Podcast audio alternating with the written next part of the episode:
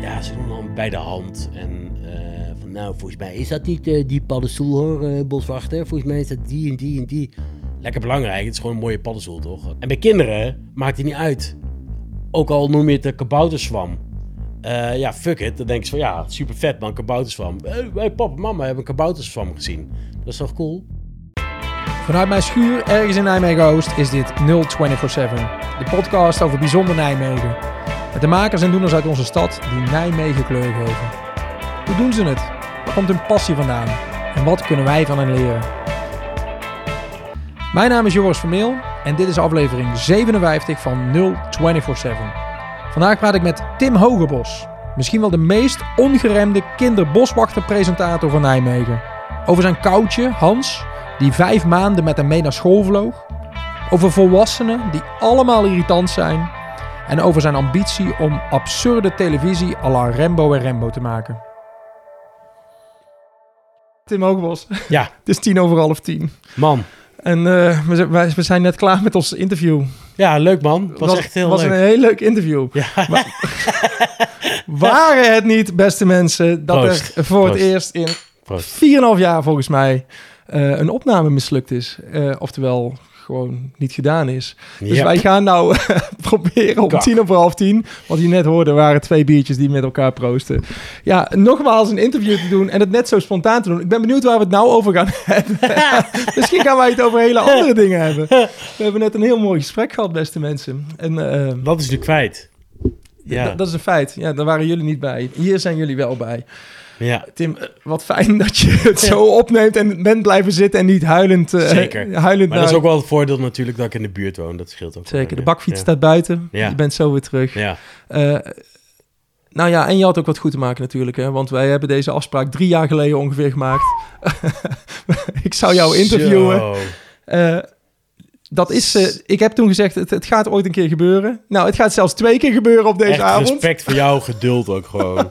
dat je iedere keer en dan liet je er weer een paar maanden tussen van... Hé hey, Tim, eh, heb je daarover nagedacht? En eh, weet je al wanneer je kan? En Ja. het heeft gewoon 2,5, 3 jaar geduurd, deze afspraak. Want dat, dit alles gebeurt met een reden. En dat, Ja. dat onze eerste opname dus niet gelukt is, eh, Ja. is daar dus ook op eh, terug, te, eh, terug te wijzen. Eh, ja, we moeten ons herpakken. En we, we Ja. moeten net doen alsof het eerste interview niet plaats heeft gevonden. We beginnen gewoon opnieuw. Ik weet mijn eerste vraag nog. Want Ja. mijn eerste vraag is altijd hetzelfde, Tim. Ja, Dat is, eh, Tim, voor de mensen die jou niet kennen. Wie is eh, Tim Hogebos, oftewel boswachter Tim? Wie ben jij eigenlijk? Ja, heel veel mensen kennen mij niet. Dus voor die mensen ben ik gewoon Tim Hogenbos. Een jongen uit Nijmegen, opgegroeid in Nijmegen-Zuid. Inmiddels 40 jaar. Heb ik helemaal geen moeite mee hoor, helemaal niet, totaal niet. En ehm, eh, voor kinderen ben ik boswachter Tim.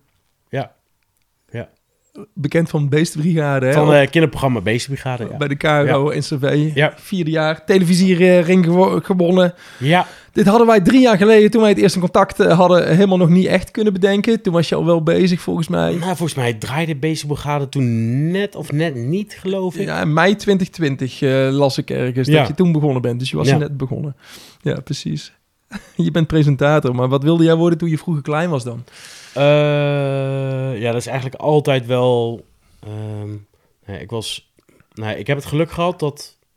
Daar vind ik af en toe wel sneu voor de kinderen van nu. Die hebben allemaal afleiding van eh, iPads en telefoons en zo en dat soort dingen. En ik heb het geluk gehad dat ik in de jaren 80 ben opgegroeid. Ik ben uit 83. En dat wij, wij hadden helemaal geen computer thuis. Dus Ja. wij moesten eigenlijk altijd, nou ja, niks moest. Maar we gingen altijd buiten spelen. Kon ook een boek lezen, maar jij ging naar buiten. Wij gingen naar buiten, we gingen buiten rousen. En dat begon met stoeprandjes, soldaatjes spelen, tikketje. eh, er werd hutten bouwen, eh, natuur ontdekken. Nou, dat, soort dingen allemaal. Welke natuur heb je in de Nijmegen-Zuid? Zwanenveld heb, had, je, had je het over in ons, vorige, in ons Ja. vorige interview. Ja, Zwanenveld heb je... eh, eigenlijk vind ik... Zwanenveld is best wel ruim opgezette wijk. Heb je best wel veel groen. En we hadden achter bij ons huis... hadden we echt een mooie bosstrookje. Ik ben er onlangs nog een keertje geweest. Ik ben wel een nostalgisch persoon. Eh, het is echt een bosstrookje. Maar toen Maar leek het kind waarschijnlijk een heel leek bos. het gewoon heel Ja. bos. Ja, dus was, ja, daar hebben we alle avonturen beleefd. En eh, ja, daar is ook wel mijn liefde voor de natuur een beetje. Of in ieder geval liefde voor natuur en voor het, misschien vooral wel voor het buiten zijn ontstaan. Ja, ja. Wist je toen al wat je wilde worden? Ja, dat was wel... eh, dat was iets later. Toen ik denk een jaartje of eh 9, 9, 10. Niet 9, 10, maar Nee, 9 of 10 A- was. A10, ja. Ja. Eh, ja, jij kent het ook nog wel, dat je een analoge camera had. En ik maakte toen wel eens wat foto's. En toen had ik een foto gemaakt van een vogel die overvloog. was een grote zwarte vogel. En ja, dat rolletje moest je laten ontwikkelen. Hij loopt nog. nice, double check. Eh, het kreeg je een paar dagen later, kon je, dat, eh, kon je de ontwikkelde foto's ophalen. En nou, dan kijk je die foto's door en toen zag ik op die foto een zwarte vogel. Ja, het is een podcast natuurlijk, maar het was een grote vogel.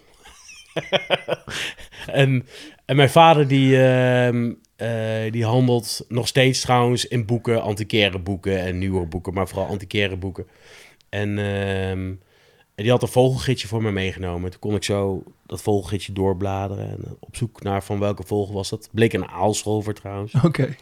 Ehm, maar ja, toen dacht ik ook van, wow, holy shit, er zijn echt superveel vogels. En daar is denk ik allemaal een beetje begonnen. En toen ben ik ook, ja, ik geloof echt dat ik negen was. Een vogelmuseum begon op mijn kamer met een vitrinekast. En daar verzamelde ik allemaal spulletjes in. Braakballen. Ehm eh, we hebben een keer een, eh, wa- waarschijnlijk heet het daarom ook Zwanenveld. Eh, een nest gevonden van een zwaan. Maar echt wel gedateerd. Ik denk dat het nest al 20 jaar oud was of zo. Als in de lage eieren in die Hebben dus ontdekt. Ja, en er lagen eieren in. Maar die waren niet uitgekomen. De. maar ik dacht, vet. Eén zo'n ei meenemen. En die ga ik thuis poetsen. Mooi op de wastafel boven Voor de badkamer. ja. Ja. prachtig. Toch? Pronkstuk. Mega groot ei. Ja, maar de, dat het. ei was heel oud. En eh, dus ik had, ik had hem gepoetst. Ik had hem even op de wasbak neergelegd. Op het randje van de wasbak. Waar vroeger dan vaak het zeepje lag. Had je vroeger in een wasbak had je zo'n inkeping, zou ik maar zeggen.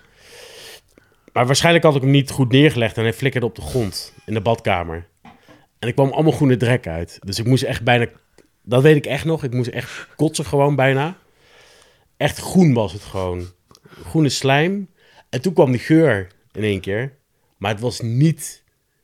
Ik kan het niet eens omschrijven, maar het was echt heel erg. En ons huis, en dat... eh, ja, dat weet ik echt nog goed. Heeft echt twee weken gestonken. Maar dat is geen geintje. Het stonk echt zo vreselijk. Naar rotte eieren, maar dan keer tien. Ja, dat was echt heel erg. Maar je museum mocht blijven van je moeder en eh, vader? Of... Ja, desondanks mocht het eh, museum... Ja, dat is wel top aan mijn ouders. We mochten, waren altijd wel vrij, vrij, vrij, vrij in ons doen om, en, en laten. Dus dat was wel top. Eh, Maar voor sommige mensen zou dit een afkeer van de natuur moeten betekenen. Zo'n stank van twee weken in je huis. ja, maar dat nodigt toch alleen maar uit tot meer, zou ik maar zeggen. Ja, dus ja. eh, eh, ja, ik denk... Ik, nou, nou ja, goed. Ik denk dat, eh, dat ik... De wens om boswachter te worden is denk ik dan geweest toen ik negen of tien jaar oud was. Zoiets, ja. ja, ja. En dan? Je gaat naar de middelbare school. Wat ga je dan naar de middelbare school hier in Nijmegen? Eh? Ehm, ik heb op de basisschool gezeten in Lindenholt.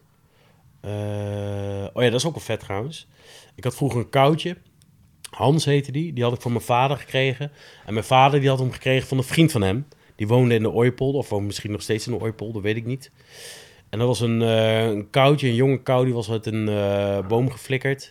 Want ja, koutjes moeten op een gegeven moment leren vliegen en zo en dat soort dingen. Maar hij was echt nog veel te jong, blijkbaar. En die had een collega van mijn vader, mijn vader meegegeven. Mijn vader kwam toen thuis met een koutje, die nog niet kon vliegen. En die heb ik dus helemaal opgevoed. Met eten geven en die sliep op de rand van mijn bed. En die is dus ook met mij meegeweest naar school toen hij uiteindelijk wel kon vliegen. Want ik heb hem vliegles gegeven. Want hoe oud was je toen? Ja, ik denk echt dat ik eh, rond Vogelmuseum tijd, dus was, eh, toen, was ik, toen was ik negen jaar. Ja, zoiets. Wauw. Ook eh, dit, ja, acht, het is maar acht en mijn tiende, laat ik het zo Maar hij ging mee zo. naar school, zeg je. Ja, dus 's- ochtends vroeg fiets ik vanuit eh Zwanenveld eh, naar Lindenholt. Dat was ongeveer vijf kilometer. En dan zat hij, ik had zo'n BMX, een zilveren BMX had ik. Zo'n stuntfiets. En dan zat hij daar op de, op de, op Stangetje in het stuur. midden. Ja. Is ervoor gemaakt ook, hè? Daar zat hij dan. Eh, ik kan me zijn kop zelfs nog herinneren dat hij zoals hij de wind in zijn veren kreeg, of zijn haren boven op zijn hoofd, leken het haartjes eigenlijk. Eh, hoe hij dan keek. En dan fietsen we naar school. en dan hadden we tot drie uur hadden we les. En dan ging de bel. En Dan stak ik mijn arm uit van, en dan riep ik Hans en dan kwam die aanvliegen en dan fietsen we weer naar huis. En dat heb ik zo, denk ik, drie, vier maanden gedaan. Ja, echt heel cool. Heb je een foto van jezelf met Hans nog of niet? Ja, het kakken is dus dat ik weet dat er een foto is van mij met Hans. En die zat in een fotoalbum, mijn fotoalbum. Maar die foto is verdwenen. En ik denk dat ik hem zelf ergens voor heb gebruikt, maar ik weet dus niet meer waarvoor. Ah, je hebt hem uitgeleend of even weggegeven. Het is kakken. eh, En nu is het dus voor eeuwig kwijt, want het is uit het eh, analoge tijdperk. misschien komt er nog een app of zo dat je, dat je het beeld dat je in je hoofd hebt... eh, kunt Ja, dat zou wel gruwelijk zijn, maar het was echt een hele vette foto. Ah. Want hij zat echt, ook, echt op mijn schouder. Oh man. Het was echt mijn hand. Ja, Ja. het was echt heel tof. Maar Maar drie, ja. vier maanden is eigenlijk maar super kort om eigenlijk om met een dier te zijn dan, toch? Ja, maar dan, ja, op een gegeven moment zijn ze groot. Ja. En ik denk nog steeds dat hij op een gegeven moment meevloog met een, eh, met een andere groep koutjes. Mm, Maar dat zou ook een verhaal kunnen zijn dat mij volgehouden is van Tim, dit is er gebeurd. Maar hij zou ook opgevreten kunnen zijn door een kat natuurlijk. Weet ik niet. Ja. Maar ja. Maar je hebt hem leren vliegen zelf. Eh, jij, was de, jij was de vader van de kou eh, eigenlijk, de vervanger. Ja, precies. Dus hij zag mij als een soort van eh, vader of moeder. Dus ik heb hem ook echt gewoon met mijn pink. Dus zat te eten op mijn pink toen hij nog echt heel jong was. Die moest ik helemaal in zijn bek proppen zo met eten. Zo. En, eh, en zo is hij groter geworden. Had je, had, had, je, had je andere dieren thuis of niet? Huisdieren? Katten. Maar dat ging eigenlijk altijd wel goed. Dat, Ja. dat, dat ging goed samen. Dat ging eigenlijk altijd wel goed, ja. Ja, dat is wel bizar. Dat ging altijd goed. Die wist ik wel van Hans moeten we afblijven. Ja, daar moet je niet meer lopen fucken. Nee. Nee, dus... Lindenholt op de basisschool. Lindold basisschool. En toen eh, middelbare school heb ik op de groenschool gezeten. Eh, dat was een land- en tuinbouwschool. Dat heb ik vier jaar gedaan. Dus ook wel weer, wel weer iets met natuur. En toen... Ja, ik was heel erg fan van de serie Tour of Duty. En toen dacht ik na de middelbare school van... Ja, oké, hier kan ik ook niks mee. Dus wat ga ik dan wel doen? Eh, en toen dacht ik, ja, het is heel vet om het leger in te gaan. En dus eigenlijk, ja, het klinkt een beetje debiel, maar ik ben dus door eh, de serie Tour of Duty ben ik het leger ingegaan. Wat is Tour of Duty? Kun je dat uitleggen? Eh dat is een serie over de Vietnamoorlog. ja, ja. En Amerikaanse... Amerikaanse serie. En natuurlijk is oorlog helemaal niet leuk. En, uh, maar goed, als je puber bent, is dat wel heel vet. En toen dacht ik echt zo... Stoere gasten. Stoere gasten met zo'n pakje Marlboro in een helm en een piesteek en zo'n dikke machine, dik machinegeweer. Toen dacht ik, ja, vet, dat wil ik ook. Hoe ging die theme? Hoe ging het, eh, het liedje? Ja, dat is eh, van de Rolling Stones natuurlijk. Tunk, tunk, tunk, tunk. I see your red door. Ja, Dat was hem, ja. Ja, ja. mooi. Dus Ik ga Ja, daar niet ja, zingen, maar jij verpest ik je hele podcast. ik vond dit maar- heel mooi. Dit Ja. is bijna passion, passionwaardig, Thanks. bijna. Thanks. Passionwaardig. Zal ik nog even kijken of die loopt? Hij loopt nog steeds, mensen. Nice. Ja, dit is echt heel goed. We hebben in ieder geval een paar minuten. Maar, eh, je ging het leger in, maar je was 17. ja, 17 jaar in het leger. ik was niet eh, acht of negen dagen, 17, toen ging ik het leger in, ja. Ja, ja. en eh, zo- zoals ik je nu ken, ben je een vrijgevochten jongen die gewoon doet wat hij zin in heeft. Mhm. Was je dat toen nog niet? Nee, want toen was ik een dromer, blijkbaar. Want ja, als je op basis van een serie militaire diensten wil, dan ben je wel op zich wel een dromer. Ja, maar ik kan me ook voorstellen, als, als ik je nou zou dwingen om het leger in te gaan, dat je binnen twee dagen helemaal gek bent. Ja, precies. Dus nu, nu gaat het... Nee, dus, dus toen dacht ik van, ja, dit is vet, dit, dit ga ik doen. En ehm, ja, dat heb ik 2,5 jaar gedaan. 2,5 jaar, wat, wat- wat gebeurt er dan? Dan word je opgeleid? Of hoe, hoe ziet dat er dan uit? Ik heb de eerste drie maanden heb ik eh, in Assen gezeten. En dat, dat waren wel eigenlijk de leukste maanden. Dat je gewoon echt... Daar waren gewoon nachten dat je uit bed getrapt werd. En dan kreeg je dan in één keer met je kamergenoot een balk op je schouder. En moest je door sloten marsen. Dus s'nachts wakker worden is al kak. Eh, dan krijg je nog een balk op je schouders. Dat is al kak. En dan moet je ook nog eens een keertje door een sloot. Dus dat... Maar... je eh, straalt erbij. Ja, ik vond het heel vet. Maar het is een beetje kamp, eh, kamp Waas, kamp van Koningsbrugge in Ja, daar wil ik graag een keertje meedoen. Oh, echt? Ja. Ja. Ja. hebben ze dat ook, ook voor BN'ers? Ja, Volgens mij Kamp voor Bo- Koningsbrug is wel eens voor BN'ers geweest, maar ik kan nou ook gewoon als burger meedoen. Ja, volwassenen kennen nog. mij niet. Ja, volwassenen kennen mij toch niet. Dus dat zou top zijn. Eh, maar dat zou ik serieus nog wel, wel willen doen. Ja, ja. Maar, maar goed. Maar wa- wat is daar mooi aan? Wat vind je daar mooi aan dan? Ja, S'nachts. Gewoon wakker- rauw, gewoon eh debiel. Gewoon afgebeeld worden vind ik wel... Ja, afgebeeld worden hou ik wel van. Maar hoe, Afbeulen. Hoe uitzicht dat nou nog in je dagelijks leven dan? Eh, door kapot te gaan met sporten. Ja, je zou het niet zeggen, maar ik sport wel drie, vier keer in de week. Wel man, enorme Maar de laat... nee, maar en ik ben nu de laatste tijd, de laatste acht weken ben ik veel aan het hardlopen. Eh, dus ik, ja, ik, ik kan nooit rustig gaan sporten. Nee. Ik vond het leuk om echt helemaal kapot te gaan. Maar gewoon echt zweet en nou ja, dat. Heb je, heb je dan een doel met sporten? Als in eh, werk je ergens naartoe? Nee, nou, niet per se, maar ik ben eh, groot fan van Zwitserland. Het is echt mijn lievelingsland. Het is alleen eh tering duur. Dus je kan er maar echt maar een weekje zijn. Of als je eigen eten meeneemt, tien dagen. Ehm, maar ik zou daar heel graag een of andere trail door die bergen willen doen. Ja. Maar dan ook wel echt next level. Dus gewoon een marathon of weet ik veel wat. Ja. Maar daar moet ik dus wel eerst even wat eh, kilo's kwijtraken. Dus dan ben ik nu wel onbewust misschien daar ook wel een beetje naartoe aan het werken. Maar ik weet helemaal niet of daar een trail is. Maar ik denk dat het wel, dat je daar wel zo'n wedstrijdje mee kan doen of zo. Eh, dus ik ben nou drie, vier keer in de week aan het hardlopen. En ik kan dus ook niet rustig aan hardlopen. Het is altijd helemaal next level. Eh, kotsen onderweg en weet ik veel wat allemaal. Echt? Ja. Ja. Maar hoe lang ga je dan? Als jij gaat hardlopen op een eh, dinsdagavond. Nou, gisteravond heb ik maar 7 kilometer gedaan. ja. Eh, en daarvoor 12. Dus ik zit een beetje tussen de 12 en de 6 in. Maar ik doe je het er dan om als in, je vindt het lekker om helemaal kapot te gaan? Of Nou, zou je ik het wel wil- willen Ik leren? ga heel vaak met het doel om rustig te gaan hardlopen. Gewoon ook te genieten van de natuur. Dan ga ik naar Heumensoord. Even lekker rondje rennen. Maar dan is dat toch iets... Ja, dat is een beetje verneukeratieve. Want ik heb dus zo'n Garmin horloge. Nou, En dan krijg je dus piep piep. Oh, wow. Eh, wow, dat gaat heel snel. Nice. Misschien kan ik nog wel sneller. je gaat naar tijd kijken. Ja, Ik heb sinds twee weken kan ik dit, want ik heb dit eh, precies hetzelfde probleem. Het is helemaal kapot en dan moet ik nog terug. ja. ja dat. En toen was ik laatst met een vriend die gewoon een stuk forser is dan ik en eh, wat langzamer loopt. Ja, Maar die kan het altijd super lang volhouden. Dus Ja. ik vroeg zo aan hem, hoe doe je dit? Ja. Ik loop op hartslag, zei hij toen. ja. En eh, ja, je moet een beetje zoeken dat je dan die hartslag vindt. En als je dan daar maar niet overheen gaat, dan gaat het goed. En dan kun jij het keilang volhouden. En dat is dus grappig, want dat heb ik dus twee weken, drie weken geleden ontdekt. Dat je via, want ik heb dus een Garmin horloge.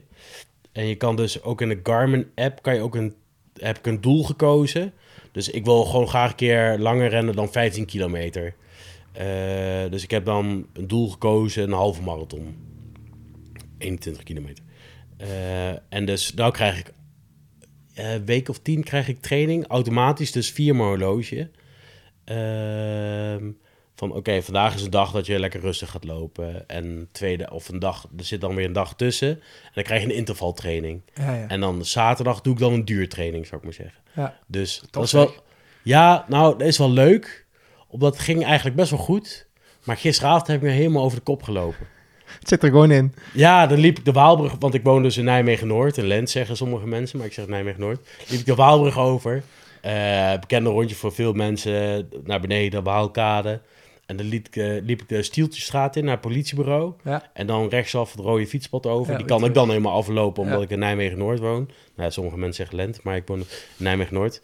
En... eh, maar dat laatste stukje vanaf dat fietspad naar beneden loopt een beetje, beetje vals plat naar beneden.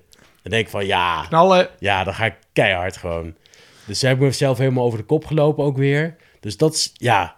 Maar ik heb de laatste paar weken, dus wat jij net zei, is dat rustig lopen is wel echt heel relaxed. En inderdaad, als je maar een beetje op je hartslag loopt, dan, dan gaat het eigenlijk veel beter. En kan je er ook meer van genieten. En ik hoorde je ook zeggen dat je 40 bent, dus je moet ook een beetje rustig aan gaan doen. Mhm. Eh, half november, Zevenheuvelenloop. Ik doe mee, 15 kilometer. Ik ga dit jaar niet meedoen. Waarom niet? Ik heb hem... eh, ik ga hem alleen een keer lopen als ik mijn oude tijd kan eh, verbeteren. Nee, nee, nee, maar je bent nou 40. Dat kan echt niet meer. Nee, wel, kan echt nog Wat wel. is je tijd? 1,7. Ah ja. Dat kan wel. Ik heb me erbij neergelegd dat het niet meer kan. Nee, het kan echt wel.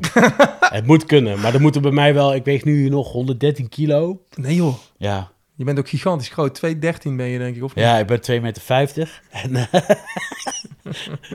nee, dus bij, als... Nou ja, goed. eh, nog 10 kilo eraf. Dus ik... Dat is misschien wel het doel trouwens voor volgend jaar. Om volgend jaar de zeven heuvelen te lopen. En dan mijn oude record. Met, ja, nou, Let's go. Ja, het staat nou op tape. Het staat Ja, echt op tape, oh want ik kak. zag dat hij eh, nog steeds eh, loopt. Je houdt dus van kapot gaan. Dat deed jij in het leger, maar na Ja. 2,5 jaar ging je eruit. ja. Waarom ging je eruit dan? Eh, omdat ik dus, dat bleek wel een beetje dat ik niet tegen, nou het was een beetje tweeledig. Ik kon niet, kan nog steeds niet tegen autoriteit. ik vind dat je er best laat achterkomt na 2,5 jaar dan. Ja, maar goed, ik was pas 17 toen ik dienst in ging. Dus ik was net eind 19, begin 20, klopt dat? Als ik het zo uitreken. Begin, eh nee, 19,5, 20 toen ik uit dienst ging. En eh, dus was nog vrij jong toen. Eh, dus dat was één. En twee was dat, ja, ik ben opgegroeid in de Jackass-periode. Nou, dat heb jij ook nog meegemaakt. Jackass, Dus MTV. we hebben heel veel, eh, de laatste, het laatste anderhalf jaar zat ik eh, paraat, heette dat. Eh, dan op de kazerne in Zeedorf. Dat is vlakbij Hamburg. Dat was echt een reis trouwens altijd, maar goed. Ehm, ja, daar hebben we heel, heel veel Jackass dingen gedaan ook. Maar dan zit je paraat te wachten tot... Want paraat... Wat is paraat zitten? Nou ja, dan ben je paraat. Dan ben je in ieder geval getraind eh, om naar... Klaar om uitgezonden te worden. uitgezonden te worden. En Ja. ik ben ook op uitzending geweest, een half jaar naar Bosnië, maar dat was een vredesmissie. Ehm, ja, dus er was ook veel eh, dode tijd, zou ik maar zeggen, dat je gewoon niks te doen had. Ja, wij keken dan videobanden, vi notabene, videobanden Ja. van Jackass en zo en dat soort dingen. Dat motiveert. Ja, dat toen brengt dacht op ja, ideeën. misschien kunnen we ook een keertje iets nadoen. Ja, ja. Je bent- jong en je wil heel wat, maar ja, je zit dan wel op een kazerne. Dus we hebben daar best wel veel ongein uitgehaald. Doe er eens eentje. Nou, daar is er... Nou, eentje specifiek is me wel bijgebleven. Is dat... eh, nou, we sliepen met z'n allen in een gebouw. Nou, je had een kamer en voor iedere kamer had je twee personen. Maar dat was in ieder geval een lange gang. En we hebben al die deuren hebben dichtgestopt met handdoeken. En toen hebben we op iedere gang hing- ook een eh, brandslang. En toen hebben we die hele gang vol laten lopen met water. En eh, dan gingen we daar... Ja, het slaat echt helemaal nergens op als ik het nu over heb. Maar goed, dan gingen we daar gewoon buikschuivers maken en weet ik veel wat. En dan gingen we de chips bij gooien. En nou ja, nou ja. Eh, goed. In ieder geval dat soort dingen haalden we dan uit. En dachten van, dat is leuk, want dat is Jackass. Nou, dat slaat natuurlijk nergens op. Eh, dus toen was het ook wel een beetje de tijd van, oké, misschien is het wel eh, goed zo. Het is klaar. Het loopt, Ja. uit, het loopt uit de hand. Nou, Wist je toen al wat, wat je volgende stap zou zijn? nee. Wat ben je toen gaan doen? Je kwam thuis en, en dan? Want eh, Eh, toen ben ik daar heel lang over na gaan denken. En eh sporten is wel altijd een. eh, ja, ik moet altijd sporten in mijn leven.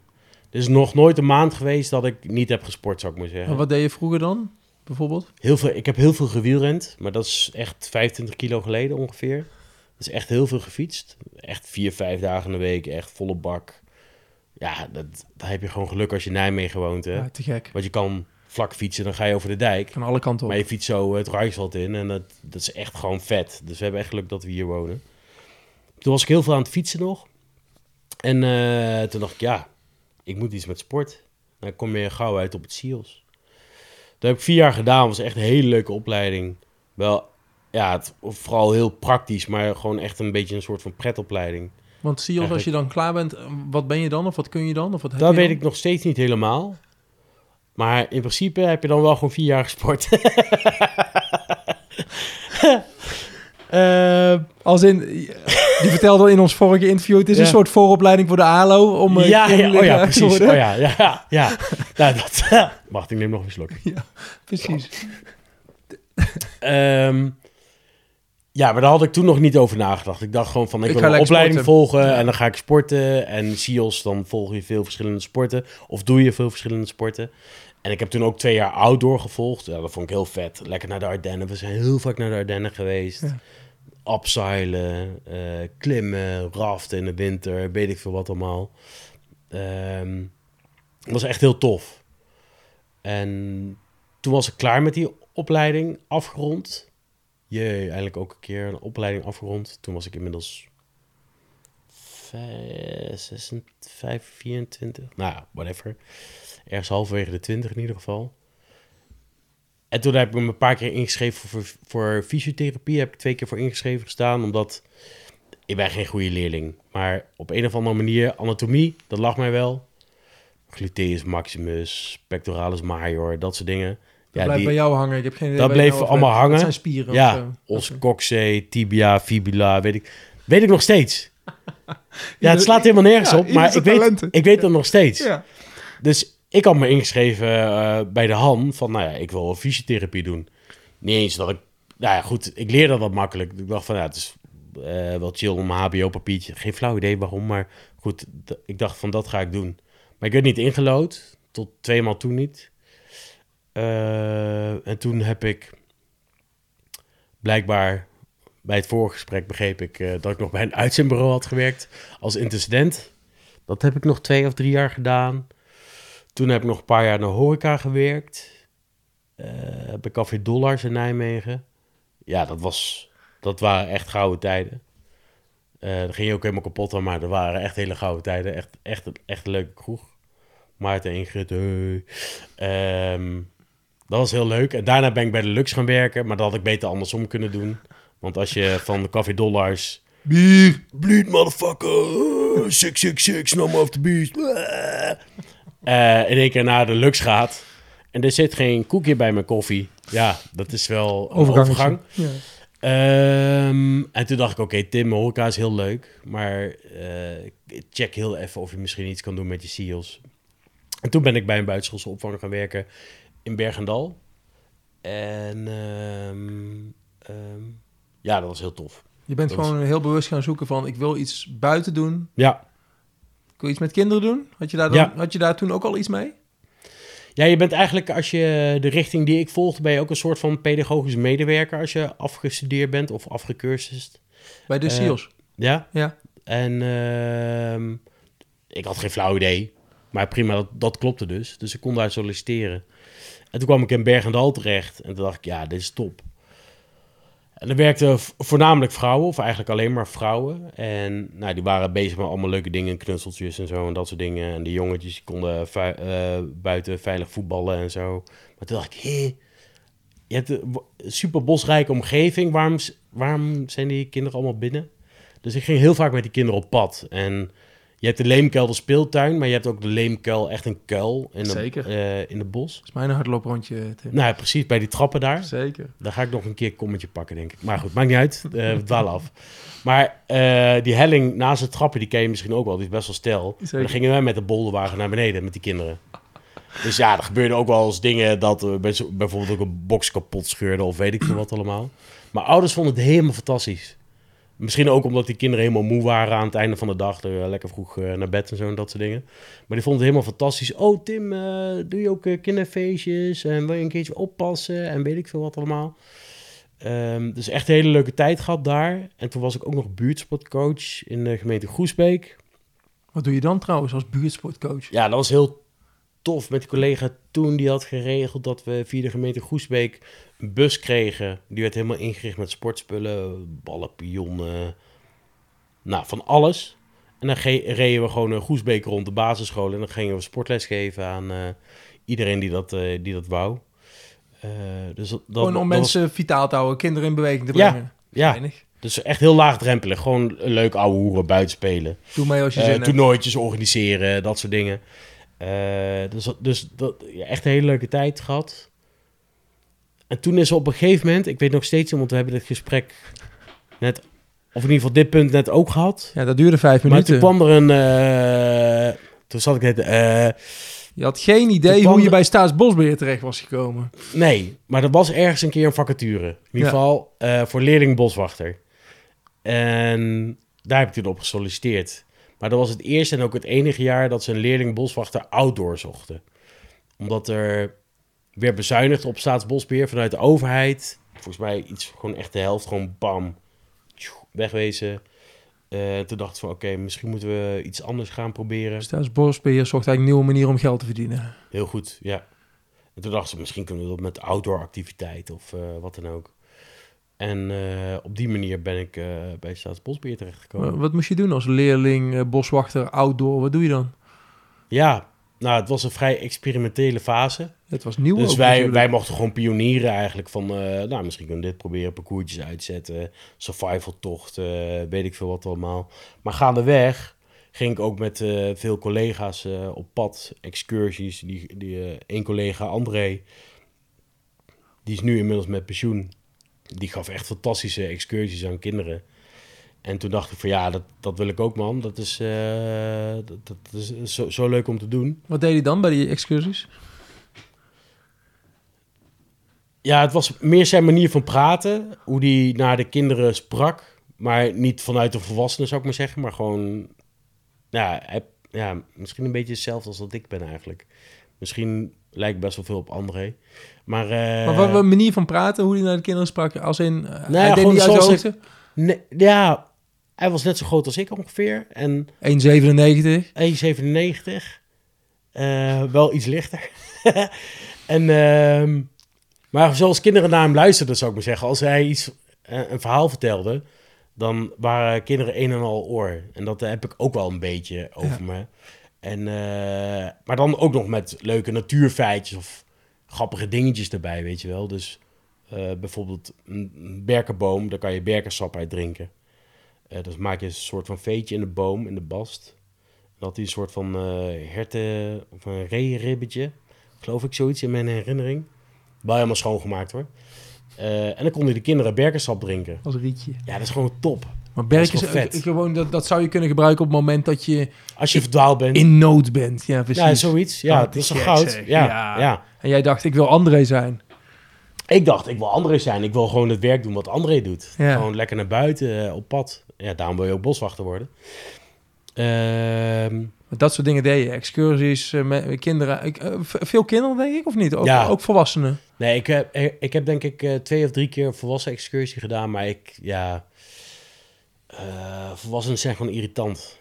Wat vind je irritant aan volwassenen dan? Ja, gewoon... Uh, Pas op wat je zegt, ik ben ook volwassen. Ja. Ja, gewoon dat ze zullen zeggen van... Ja, pas op, ik ben ook volwassen. Zo genuanceerd. ja. ze zijn geremd. uh, ja, ik, ja, nou ja, goed. Uh, ik merkte in ieder geval tijdens die excursies, als je dan een excursie gaf aan, aan volwassenen, dat je dan, ja, ze doen dan bij de hand. En uh, van, nou, volgens mij is dat niet uh, die paddenstoel hoor, boswachter. Volgens mij is dat die en die en die. Lekker belangrijk, het is gewoon een mooie paddenstoel, toch? Lekker belangrijk hoe die paddenstoel heet. Dat heb ik dan een beetje. En bij kinderen maakt het niet uit. Ook al noem je het de kabouterswam. Uh, ja, fuck it. Dan denk je van, ja, super vet man, kabouterswam. Uh, ja. Hey, papa, mama hebben een kabouterswam gezien. Dat is toch cool? Ja, denk ik dan. Nou, uh, waar zijn we eigenlijk beland? Nou, het ging over de doelgroep kinderen. Ja, ja de, dus dat, ja. Je kwam erachter... Dus dan ben ik erachter gekomen, dus uh, dat er gewoon excursies met kinderen of werken met kinderen, dat had ik natuurlijk ook al door dat BSO-verhaal. Uh, dacht ik, ja, dat is gewoon goud. Dat is leuk, man. Ja. ja, ja. Dus jij zat op de plek? Ja. Ik uh, ging googlen. Ja? Toen kwam ik uh, op filmpjes uit 2015 uh, terecht. Waarin mm. jij eigenlijk een, een, een, soort van programma maakte samen met, met een andere boswachter, Michel. Michel ja? Badhoorn. De Bosmannetjes heb je, heb je gedaan. Ja, Michel was ook wel echt mijn beste vriend. Ehm, ja, en wij, wij gaven vooral jeugdexcursies en zo. En dat vonden we altijd leuk om te doen. En toen dacht ik van... En volgens mij ja, YouTube was al ouder, maar toen begon het echt een beetje ja, hip te worden of weet ik veel wat. Internet werd sneller, denk ik gewoon. Nou ja, ook dat, dat, dat scheelde ook wel. Um, en toen dachten we van, ja, misschien kunnen wij daar ook wel iets mee doen. Want ja, we werken toch bij Staatsbosbeheer, we zijn veel buiten, bla, bla, bla. Toen gingen we gewoon debiele filmpjes maken. De ene keer over de eekhoorn, de andere keer gingen we s'avonds wat later op zoek naar reeën en weet ik veel wat allemaal.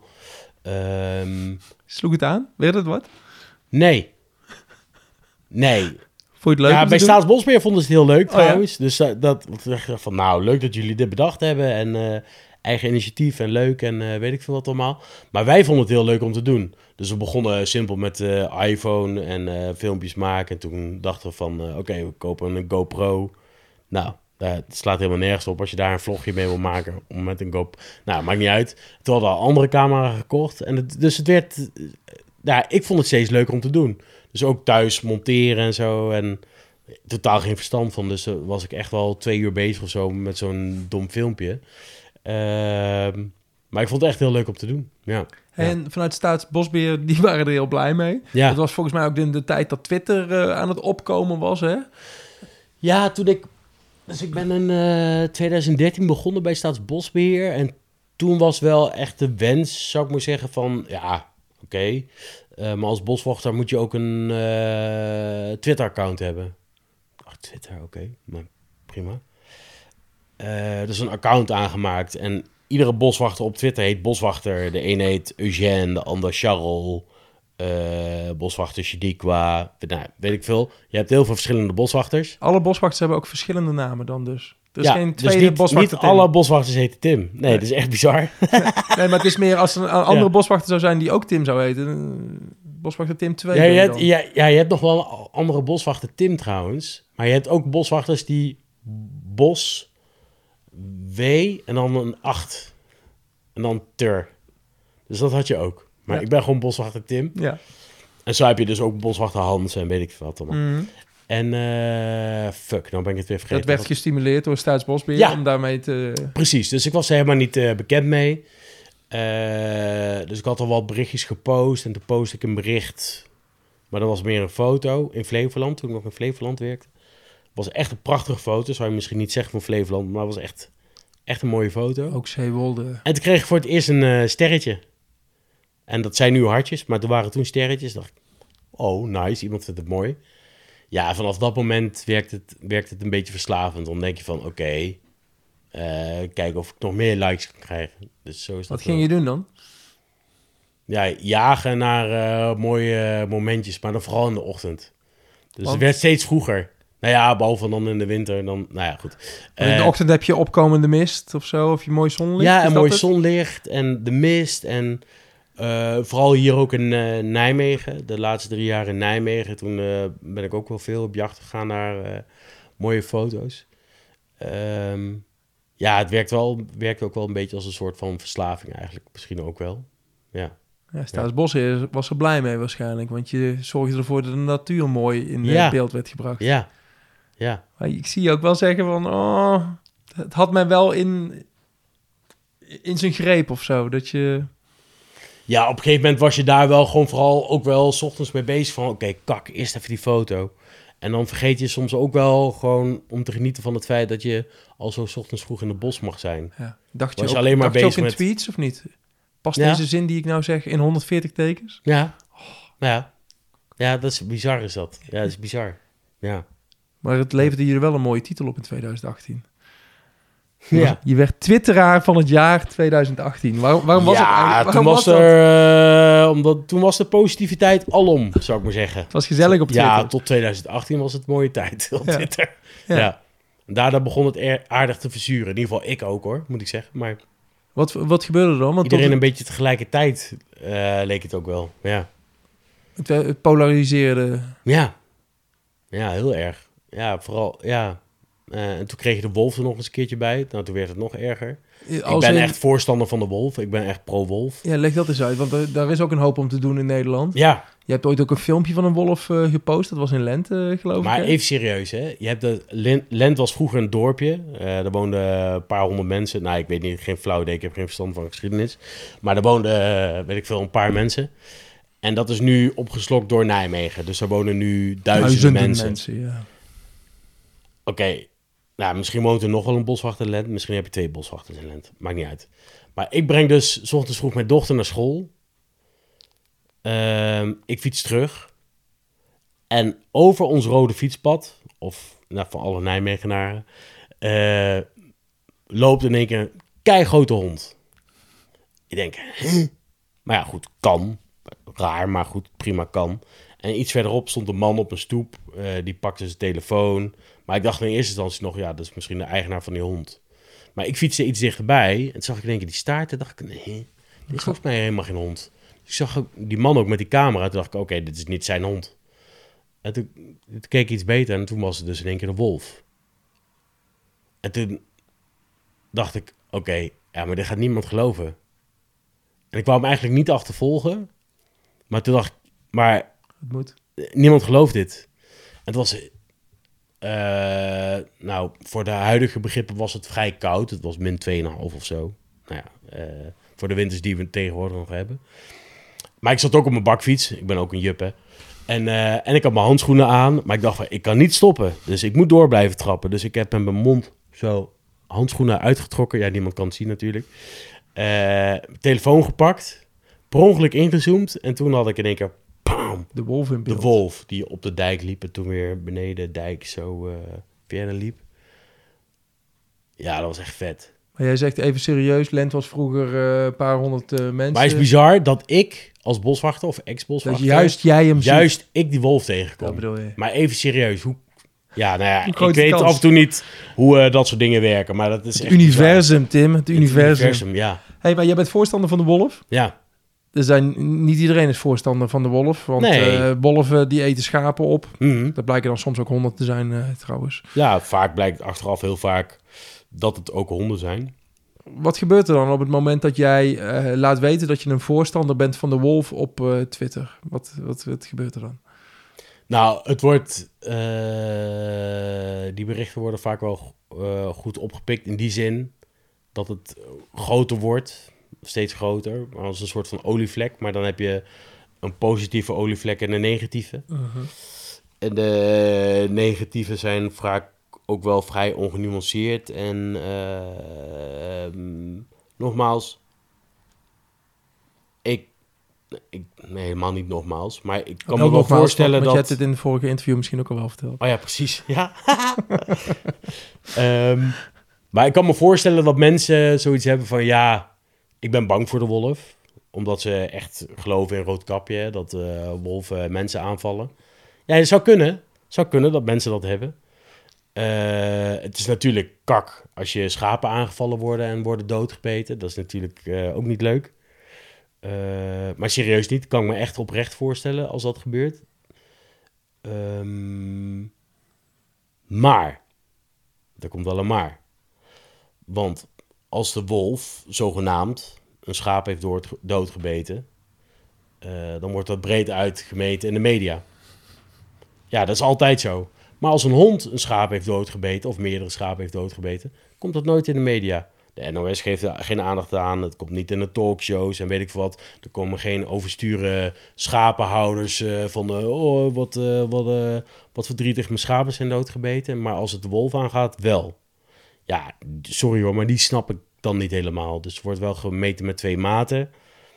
En ik snap op zich ook wel weer ergens waar het wel vandaan kan komen. Omdat het ook te maken heeft met dat sommige mensen, bijvoorbeeld jagers, eh, die zien de prooi ook als hun, of de wolf ook als hun concurrent. Want ja, een wolf is natuurlijk ook gek op reeën. Ja. En soms worden ze aangereden. Ehm, maar als de wolf. eh, ehm, ja, als je meer wolven krijgt in Nederland. Ja, dan gaat het de ja, kosten van... dan gaat het de eh, kosten van je jacht. Ja. Ja, dus snap ik wel dat die lobby. eh, ik, ik begrijp het wel, natuurlijk. Dat je dan denkt van ja, kak, dan heb je. eh, dan hebben we zo meteen niks meer te jagen. Maar, Maar dat krijg je dus allemaal terug op wanneer jij een bericht over een, pro-wolf berichten doet. ja, er wordt, niet, er wordt niet gezegd door jagers, wordt er niet expliciet gezegd van. nee, we willen hier geen wolf, want die vreet onze ree op. Nee, natuurlijk niet. Maar er zijn natuurlijk allemaal anonieme accounts en weet ik Ja, veel wat allemaal. Eh, en mensen die het ook eh, hun standpunt Punt. proberen te verdedigen. eh, waarom de wolf hier niet hoort. Maar ik vind dan, en zij vinden dat ook van, vanuit mijn standpunt. Maar ik vind hun standpunt bullshit. Omdat de wolf zelf heeft gekozen om hier terecht te komen. En er zijn allemaal speculaties en weet ik veel wat. Allemaal mensen die zeggen van ja, maar hij is je uitgezet. Ja, waarom? Dus hij is hier zelf gekomen op zoek naar een territorium, omdat het ergens in eh, West-Duitsland eh, te groot was. eh, het territorium te beperkt was, bedo- bedoel ik. Dacht ik van, nou ja, prima, dan ga ik naar de Veluwe. Nou ja, en hij vindt het hier een prima leefgebied. Dus dan moeten wij ons daarop aanpassen. Vind ik Ja. dan, eigenlijk. Ja. Maar dan krijg je, je krijgt het niet van de jagers, maar er komt wel veel negativiteit op zo'n Ja. online bericht. Wat, wat, kun je dat handelen? Of hoe ga je daarmee om? Kan ik eh, inmiddels wel handelen, omdat ik er gewoon niet meer op re- reageer. Heb je wel Eigenlijk- gedaan? Heel veel. Oh ja, Ja, maar het schiet niet op. nee. Dan kom je Dus- dan, schade en schande, word je daar wijzer van dan? Ja, maar dat duurt wel twee jaar. Ah, ja, want maar- je, je hebt een paar keer op het punt gestaan om te stoppen volgens mij, eh, met al die online ongein. Ja, ik ben volgens mij wel echt iets van vier of vijf keer gestopt met eh, Twitter. Ehm, dus eh, onlangs, ik denk een half jaar geleden had ik dat weer aangekondigd. Ik ben er klaar mee. Ik zit al tien jaar op het medium. Ik ben al mijn tijd aan het doen en weet ik veel wat allemaal. Maar je bereikt er toch ook heel veel mensen mee.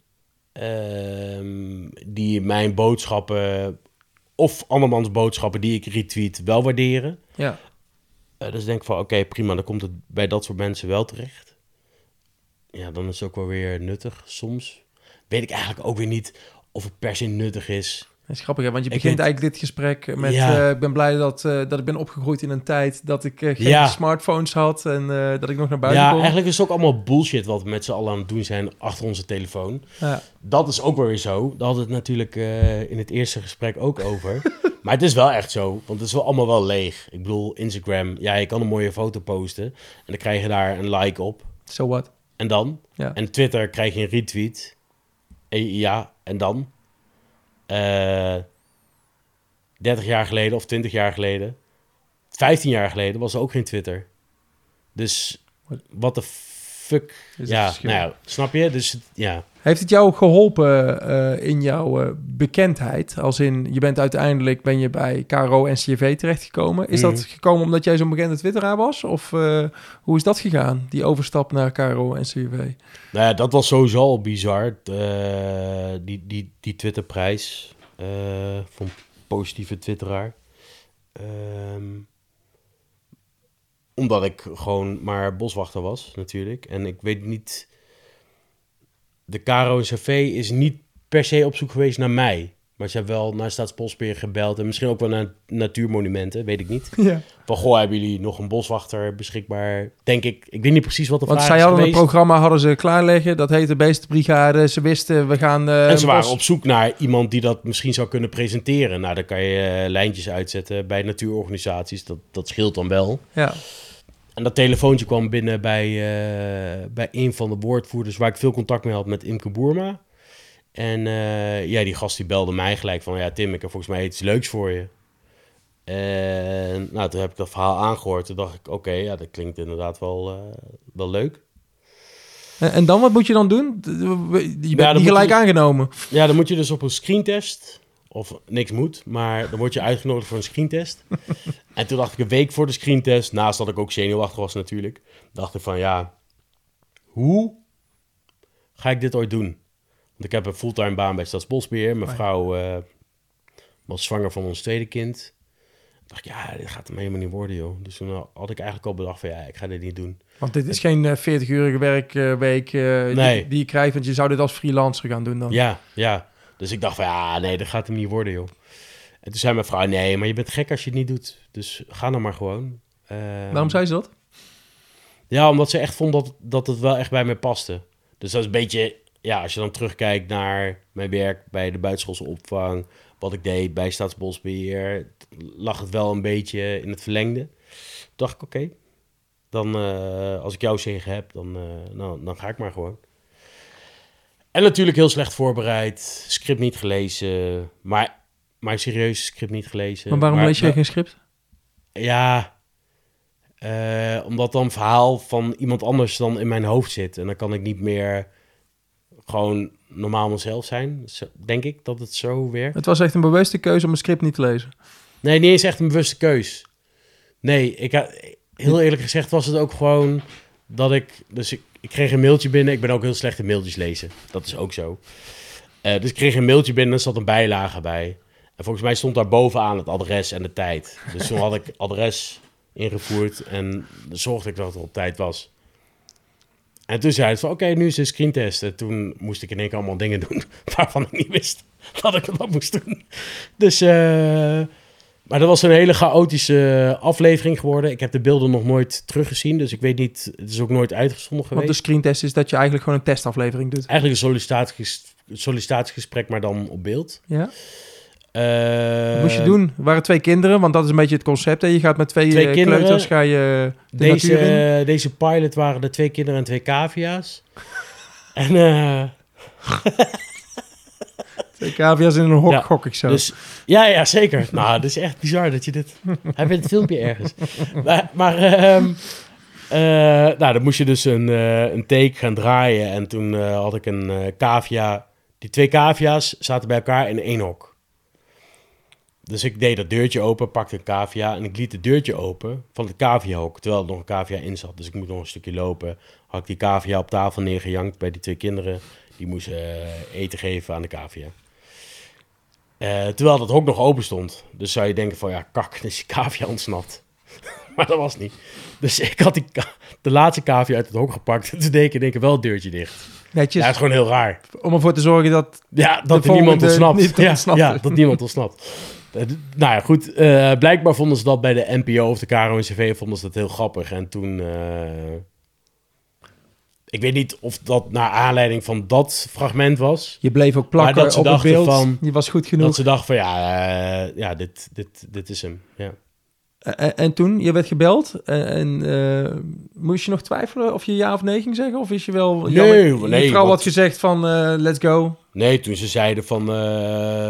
het duurde een week of twee of een week of zo. Ik, het duurde nog vrij lang eigenlijk. Dat ik Voordat dacht van, bellen. Hallo Piet, wanneer bellen jullie een keer? Maar Ja.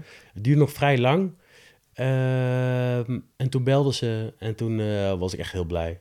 Dan zei je gelijk ja. Ja, het was vet. Ja, tuurlijk. Maar dit, deed je, dit ging je doen naast je werk. Ja, Wat, wat, wat spreek je dan af? Want je gaat het seizoen maken. Wat is het seizoen? Hoeveel afleveringen is dat? 30. Alright. eh, dat zijn dus ook 30... eh, zijn er 30 draaidagen dan ook? Er zijn Of 30 draaidagen en dus ik werkte fulltime bij Staatsbosbeheer toen. van En, maandag tot vrijdag en dan op zaterdag... eh, ja, dit. vaak had ik op, dan op zaterdag en zondag ook nog een draaidag.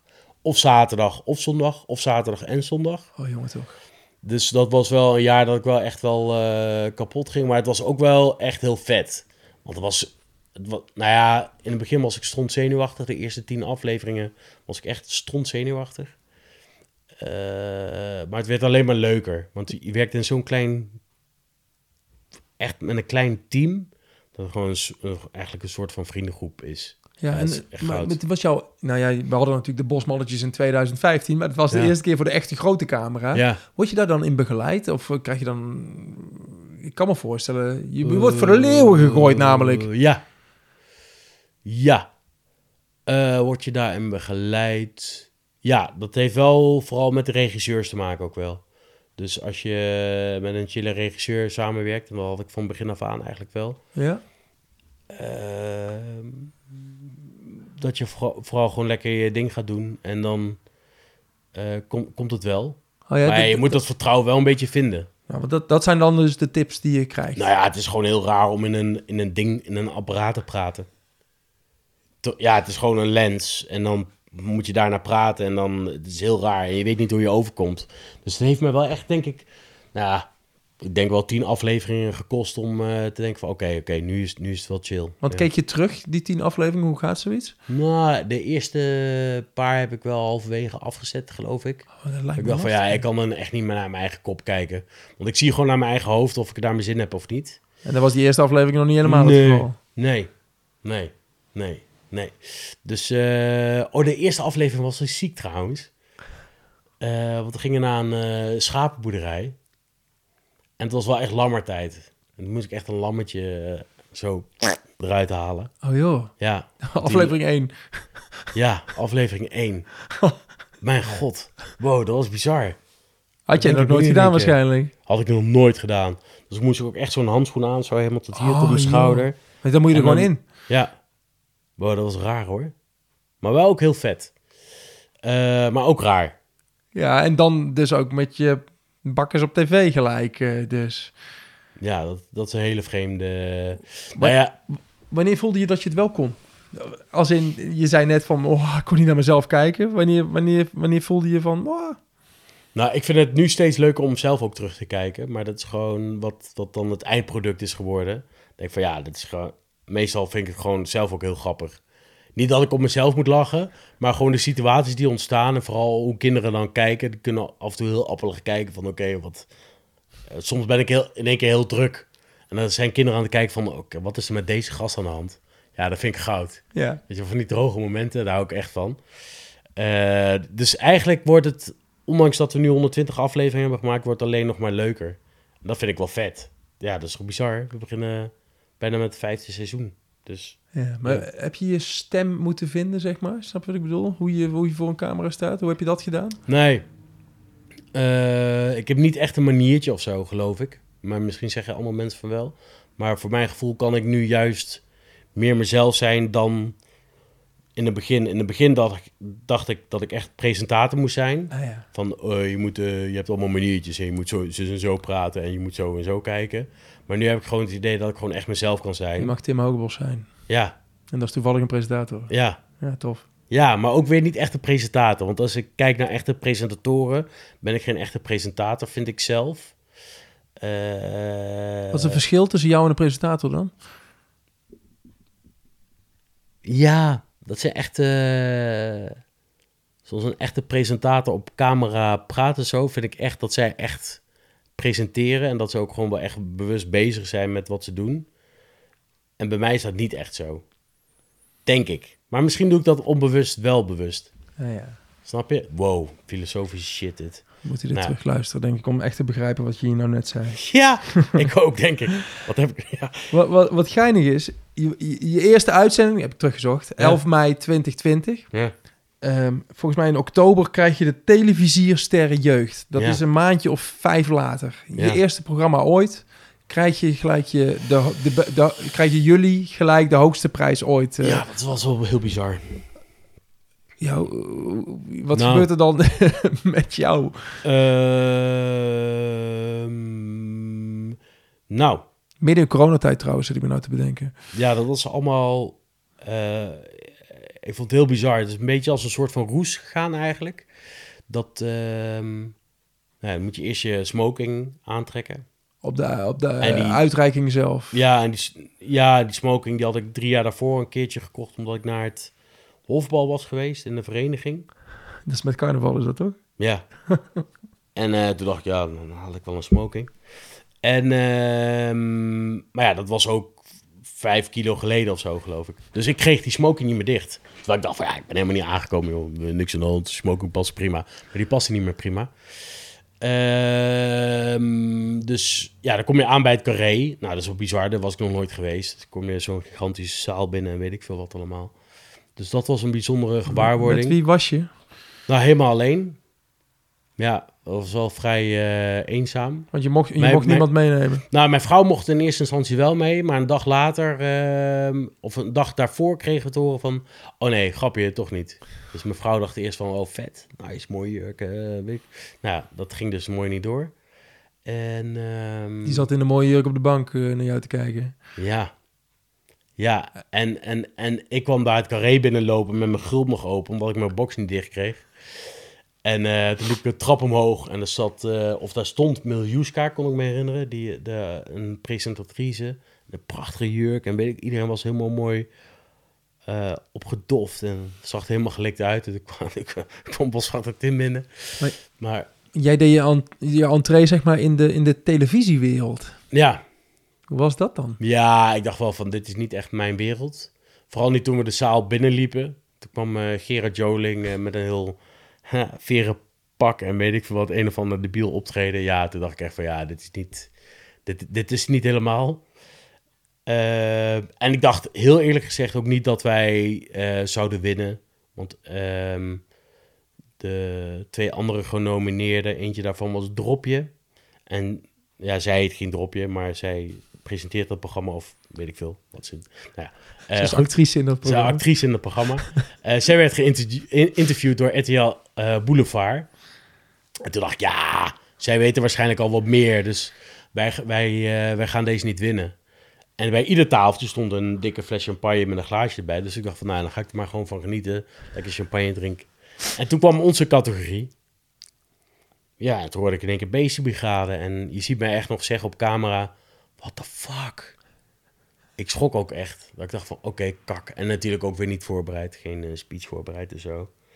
Dus eh, ja, dat was bizar. Ook wel een beetje eenzaam.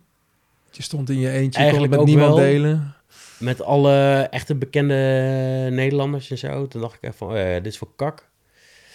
Ehm, dus dat was een beetje gek. Maar toen liep ik naar buiten en er stonden alle mensen van de redactie daar en van productie. Die waren er wel. En die stonden daar allemaal met Carmeliet, mijn lievelingsbier. Die ik vanavond hier ook eh, te drinken heb gekregen trouwens. Thanks.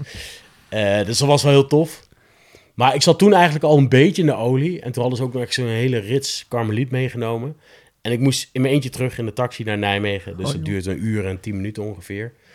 En daar stond ook nog een grote fles champagne. Dus ik had eerst die... Hadden zij geregeld voor je? Ja, ja, ja. Dus Oh, joh. champagne ging ik drinken en karmeliet ging drinken, allemaal in een taxi. Dus ik was eh, rond half twee thuis of zo. Dus mijn vrouw die wachtte daar met eh, wat vrienden. Hey Tim, je gefeliciteerd. En eh, nou, weet ik veel. Toen heb ik een half uur of een uurtje mijn verhaal gedaan. En iedereen dacht van, oké, nou top Tim, geniet ervan. En ik heb toen echt tot half vijf 's ochtends ben ik opgebleven. En nog een karmelietje drinken. En las ik weer berichten en ging verhuilen. Zo, wat mooi. Het is gewoon... Maar ja. waar kwam dat vandaan dan? Wat was dat? Ja, gewoon omdat het gewoon eh, toch wel een ervaring is, weet je wel. Maar het was ook wel gewoon eenzaam. Eh je kon het niet echt met iemand delen, want er was helemaal niemand bij. Nee. Dus je bent daar dan voor het eerst in een carré überhaupt. En met al die bekende mensen en weet ik veel wat allemaal. Dan ga je naar huis en dan heb je een prijs gewonnen. Dus het was eh, euforie was het. Het was een beetje een combinatietje of zo. Het was wel echt heel vet. Ja, Toch wel, ja. ja. Hey, en dan, dan is zo'n eerste seizoen is, eh, is afgelopen. De eerste 30 afleveringen zijn eh, Ja. gemaakt. Je hebt, Ja, je hebt de prijs gewonnen. Zou je verwachten van, dan weet je ook wel dat je doorgaat, toch? Ze zou gek zijn als ze dan niet doorgaan. Was dat ook het idee? Of? Ja, desondanks was dat niet eh, helemaal zeker. Dus we hadden de laatste draaidag. Dus seizoen 1, aflevering 30. Was in Zuid-Limburg, weet ik ook nog. Echt super lieve mensen. Want wij komen vaak op een locatie eh, waar we gaan draaien. Maar die mensen die stellen hun locatie ter beschikking. Dus dat kan zijn van Natuurmonumenten Staatsbosbeheer. Maar het kan ook bij een boer thuis zijn. ja. eh, of een kleine boerenondernemer of whatever. En wa- we waren in Zuid-Limburg aan het draaien. Nou, we werden daar ontvangen met fly en weet ik veel wat allemaal. Toen dacht ik, ja, dit is top. En dan gingen we met een paard gingen we het land bewerken, zoals we dat vroeger deden. Ja, ja. Met, een ploeg, Ploeg, erachter. ja. Ja. fantastisch was dat. En eh, ja, toen het programma afgekondigd en toen was het in één keer klaar. Was de laatste aflevering. We het, het zat erop en het was helemaal niet zeker of er een tweede seizoen zou komen. Dus toen was ik ook gelijk in mineur. Toen dacht ik, kak. Ja, dan ga ik maar weer eh, gewoon eh, boswachten. En ja, dat was het dan.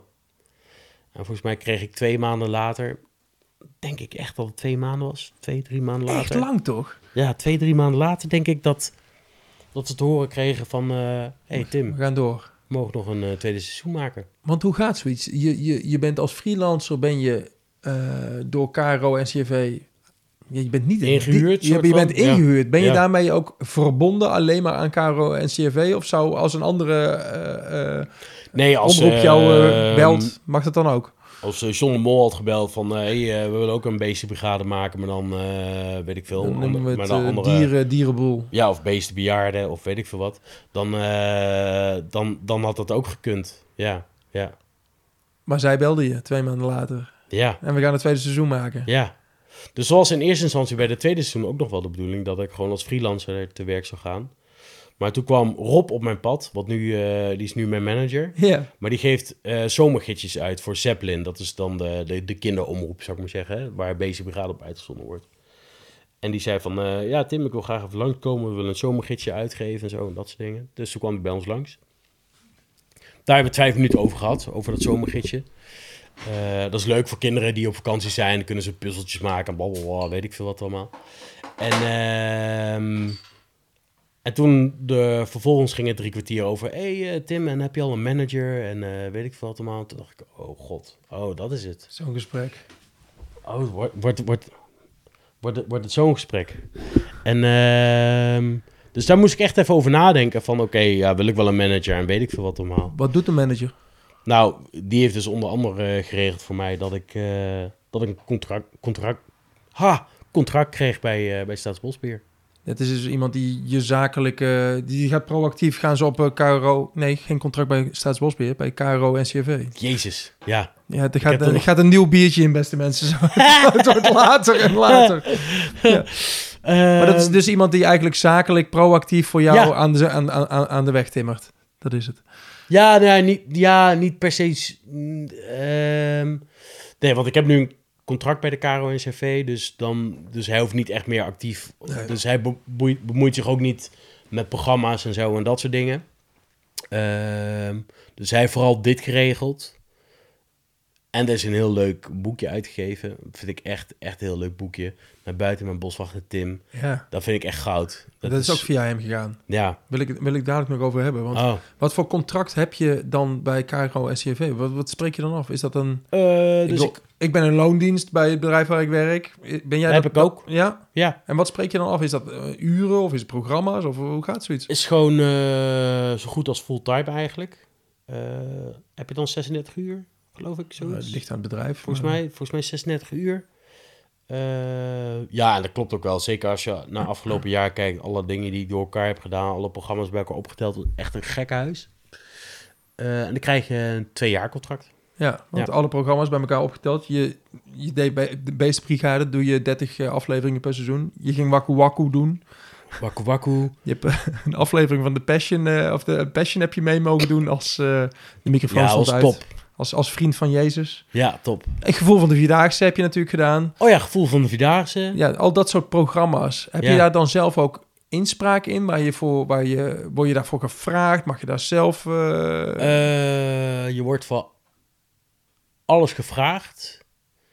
Ik weet niet helemaal of je er inspraak in hebt, want ik heb gewoon op alles ja gezegd. Eigenlijk. ja. Dus eh, zowel 12 straten als gevoel van de Vierdaagse. Ja, gevoel van de Vierdaagse kon ik geen nee op zeggen. Omdat het hier Omdat ik, ja, ja, omdat het natuurlijk in Nijmegen is, maar ook omdat ik het altijd al keek. Dus toen dacht ik af, ja, dat, eh, dat wil ik wel doen. Ehm, en dan maak je de Vierdaagse ook een keertje mee vanaf de andere kant. Ja. In plaats van dat je helemaal Lazarus eh, om half vier s'nachts uh, de wandelaars staat uit te zwaaien. Wat altijd een beetje traditie was trouwens. Eh, tot mijn eh, halfwege de twintigste. Maar, dus ik heb gewoon afgelopen jaar, of vorig jaar, heb ik op alles ja gezegd. En dan komen al die programma's samen. En de geboorte van ons derde kind. En toen dacht ik echt van, holy shit. Oké, dit is echt heel veel. Want dan, dan? dan? ga je al die programma's plannen. Ja, daar zit gewoon je hele week vol. En je hele en mijn week... vrouw heeft ook gewoon werken. En Dus- je hele week is je hele werkweek, maar ook je weekend. Ja, eh, ook de weekenden, ja. Ja. Ja. Je, je vrouw heeft ook gewoon werk. Ja. En die wil, en die wil haar man wellicht ook wel eens zien. ja, en mijn kinderen die willen mij ook wel zien. En Denk, niet, al- niet alleen op tv. Niet alleen op tv, de vrolijke boswachter Tim. Kak, kak, kak. Nee, die willen ook gewoon een keer eh, gezellige pappen. Maar de afgelopen jaar was ik wel veel, eh, veel moe. Ja. Ja. Betekent dat ook dat je dan komende jaren daar rekening mee gaat houden en vaker nee gaat zeggen? Nou ja, ik heb nou wel afgelopen jaar dus eh 12 Straten Groen is een programma geweest waar we echt een heel jaar mee bezig zijn geweest. Echt huge programma. Ja, is een nieuw programma, hè, als in draait pas sinds eh, begin september en draait om het vergroenen De- van straten. Ja, Ja, dus in eh, de 12 provincies, in iedere provincie heb je een straat die helemaal versteend is. En die gaan we dan vergroenen. Maar ja, zo'n programma heeft nogal wat voet in de aarde. Want ja, je hebt eerst een gesprek met die mensen. Dan maak je een plan. Oké, wat willen jullie dan? Het is echt allemaal zo gegaan. Van oké, wat willen jullie dan? Eh, wat voor planten? Maar dan moet ook de gemeente eh, moet er ook nog iets over vinden. Van dat moet wel een beetje onderhoudsvriendelijk allemaal. eh, en dan weet ik veel wat allemaal. Dus dat, dat is wel echt een gigantisch, gigantisch programma geweest. En... programma voor volwassenen, hè, want het is op zaterdagavond. Ja. En ik merk gewoon dat ik gewoon beter op mijn plek ben bij eh, kinderprogramma's. Wat is dat? dat eh, Mm. Wat maakt dat, dat, eh, dat jij daar beter op je plek bent?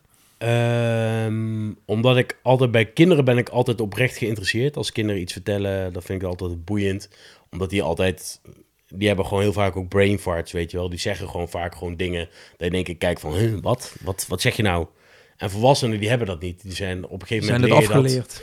Ja, dan eh, bepaalde nuance en weet ik veel wat allemaal. Oh, er staat nu een camera op mij gericht. Oh, dan ga ik dat nu niet zeggen. Ja, dat vind ik gewoon niet zo eh, boeiend, eigenlijk heel eerlijk gezegd. Ja.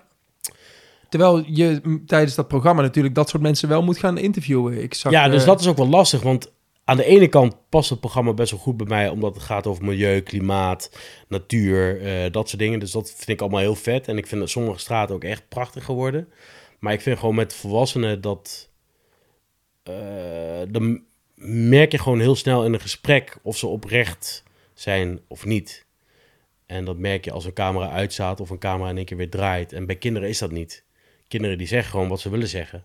Ja, dat vind ik gewoon vet. Je haakt Ja. eigenlijk af bij volwassenen ook tijdens het interview. Ja, ik heb eigenlijk gewoon niet zo heel veel met volwassenen. Misschien is dat een kortere samenvatting. Ja. Ja. Hey, bij- het gevoel van Nijmegen, dat zijn ook volwassenen. Dat heb je dan wel gedaan omdat je dat altijd keek. ja. Ehm, kun je daar dan wel volledig jezelf zijn? Eh, ik heb het gevoel dat ik eh, bij seizoen 1 meer mezelf was. Maar dat weet ik niet hoor. Misschien is het meer een gevoel. En dat bij seizoen, seizoen 2 waren er al wat meer dingetjes bedacht. Van oké, misschien kunnen we dit gaan doen en zus gaan doen. En eh, we hebben zo'n ideetje. En dat... Ik kan niet echt in een eh, eh, vast format werken. In een dat is vooraf, misschien... met- vooraf bedacht script. Jij wil het laten gebeuren. Ja, dat werkt wel het beste voor mij. Ja, dus daar kom Ja. jij nou... Dat is wel geinig, hè? Jij komt daar nou gewoon achter van wat voor... Ja, maar dat is bij televisie ook wel lastig. Want er kan ook wel. Er werken zoveel mensen bij. Dat is ook wel bizar hoeveel voeten in aarde het heeft om een programma te maken. Dus een programma als Beastie Brigade, een aflevering van 12 minuten. Ja. Hoeveel mensen daarbij betrokken zijn. Dus het script wordt geschreven, eh, de locatie wordt bedacht, eh, kinderen moeten gezocht worden, weet ik veel wat allemaal. Gevoel van de Vierdaagse. Ja, dan heb je vier dagen de tijd om een programma te maken van een half uur lang. Vorig jaar was het trouwens 50 minuten en dit jaar was het een half uur lang. Om, om, om daar iets van te maken. Dat is, ja, dat, is, dat, dat is bizar. En daar ga ik ook niet zo goed op, omdat je dan ook verantwoordelijk voelt dat het leuk wordt. Ja, ja je voelt En dat vind ik heel lastig. En dat is bij Beestenbrigade is het natuurlijk ook allemaal wel bewerkelijk. En het is af en toe ook wel... Nou, nee, het is trouwens nooit echt pittig, vind ik trouwens heel eerlijk gezegd. Dan ga ik liegen. Maar daar kan ik wat meer vrij zijn. En is het wat kleinschaliger. Is het niet, is het niet heel groot en bombastisch. Niet zoals The Passion en Gevoel van de Vierdaagse en 12 Straten Groen.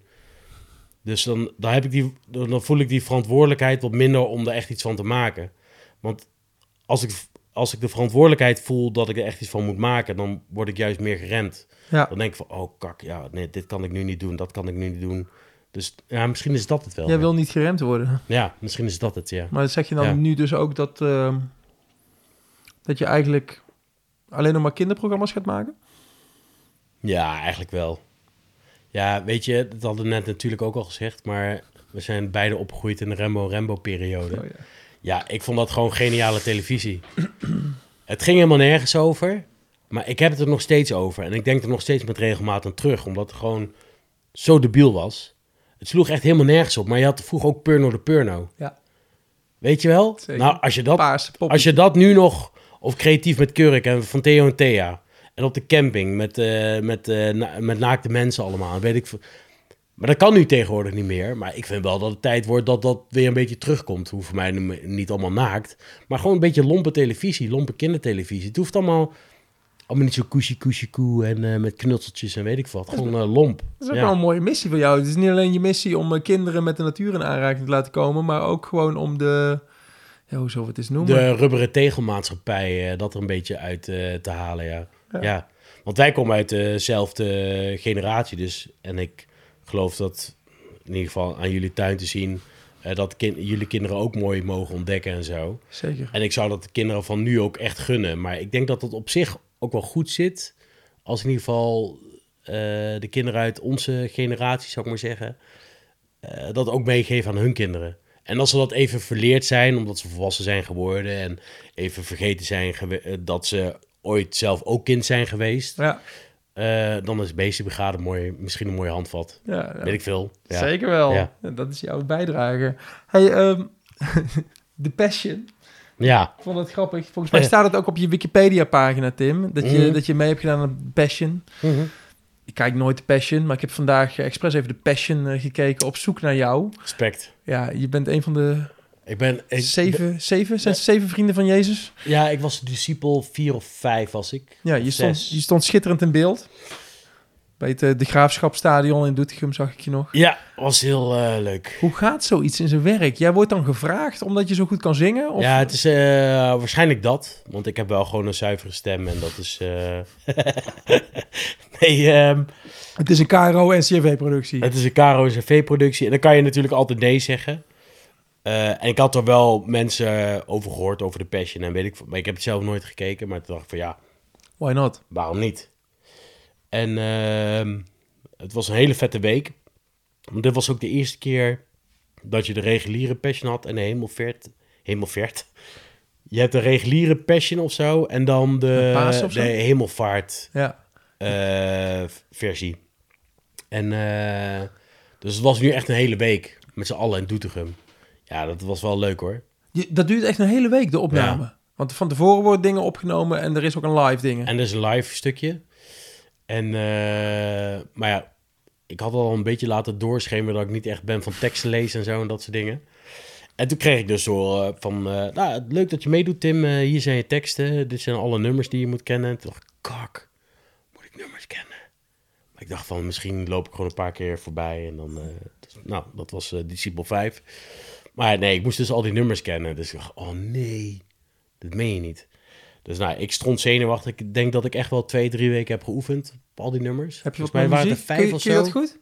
Wat? Heb je wat met muziek? Kun je, kun je... Nee, ik heb zeker wat met muziek, maar niet met zelf zingen. Maar ik luister altijd muziek. Ik ben echt gek op muziek luisteren.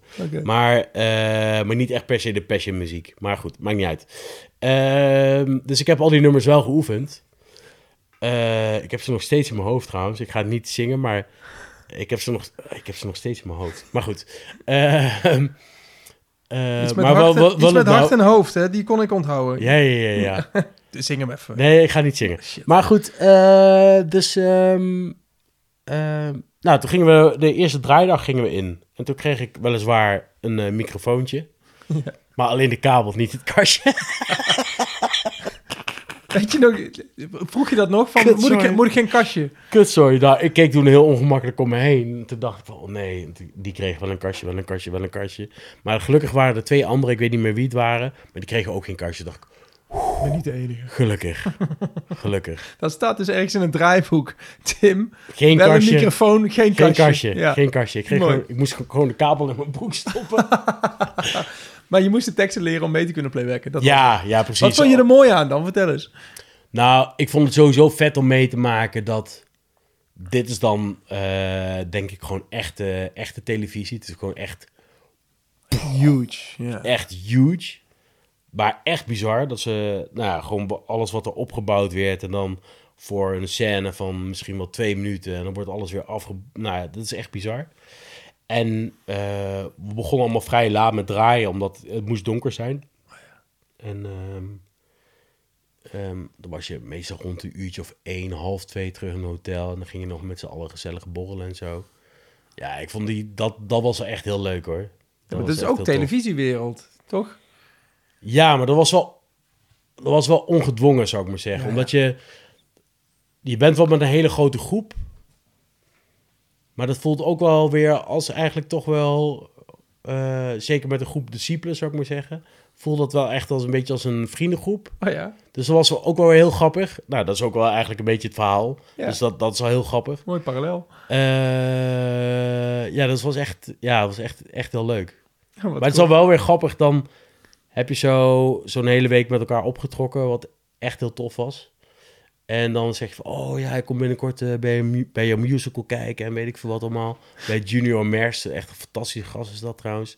Die speelt in Tina de musical. Dan zeg ik van, oh ja, ik kom langs in Rotterdam. En dan weet je eigenlijk al, als je dat afspreekt, dat het niet gaat gebeuren. Omdat, ja, thuis, kinderen en zo. En dat, dus dan weet ja, dat is, dat is altijd, altijd wel een beetje kak, Ja, eigenlijk. je Maar moet ja. minder programma's gaan maken, dat je het wel kan doen.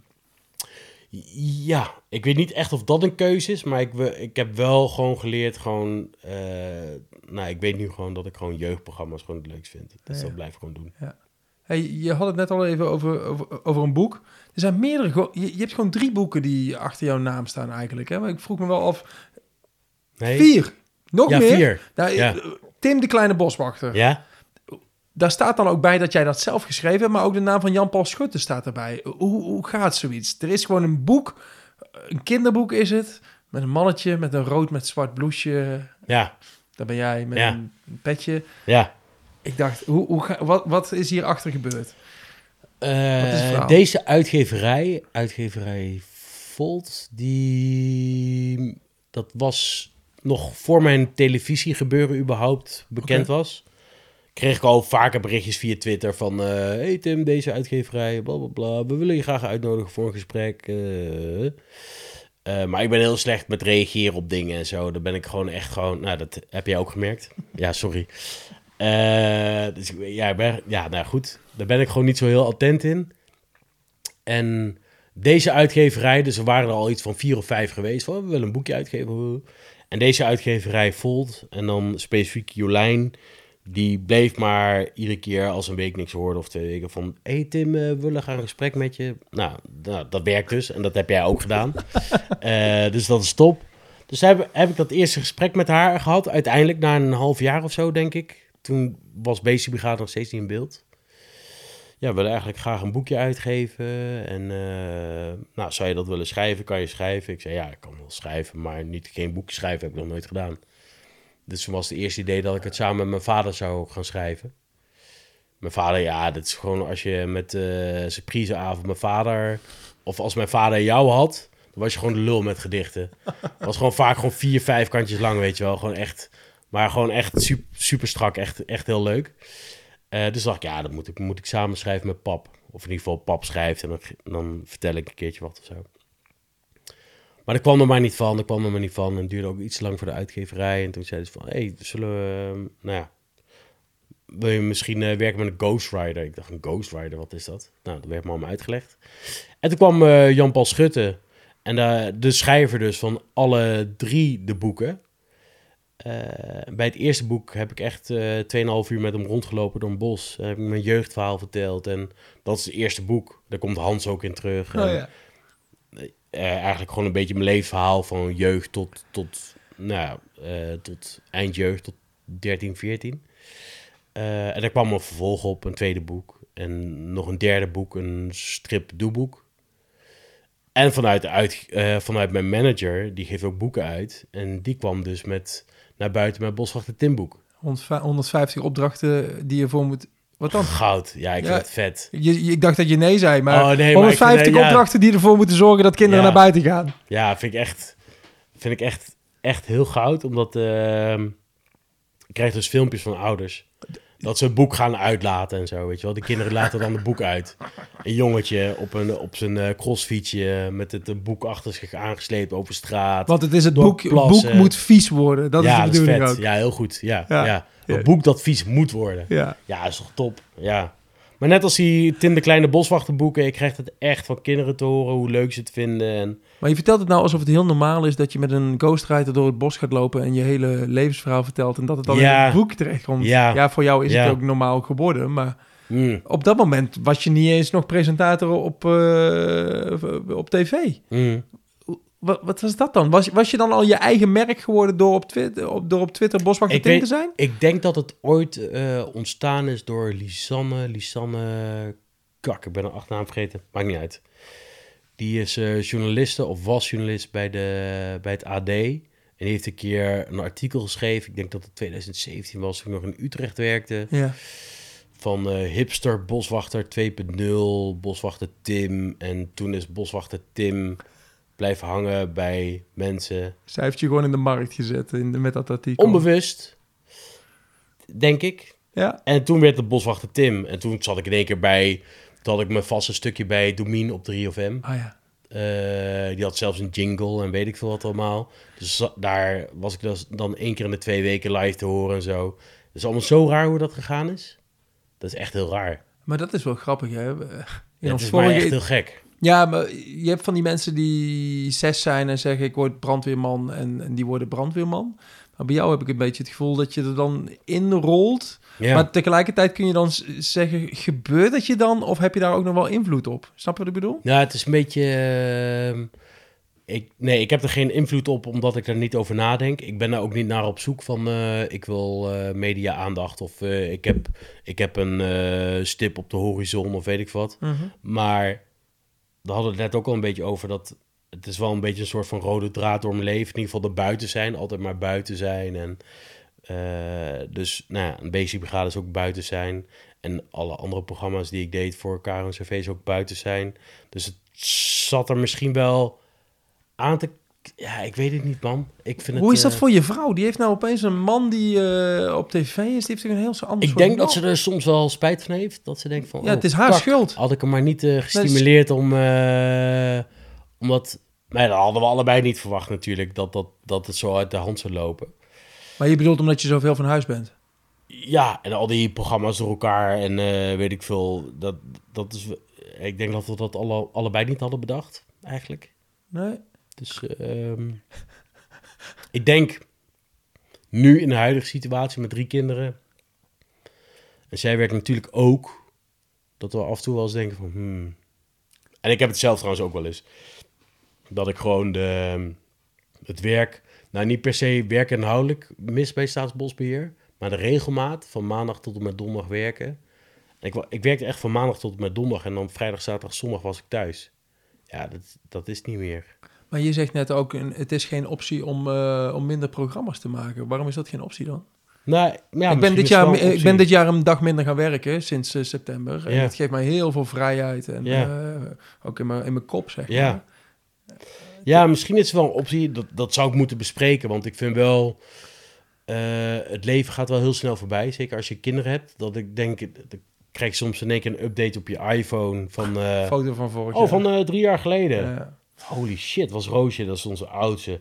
Ja. Wow, dat was een echt, echt, een- echt een klein kind.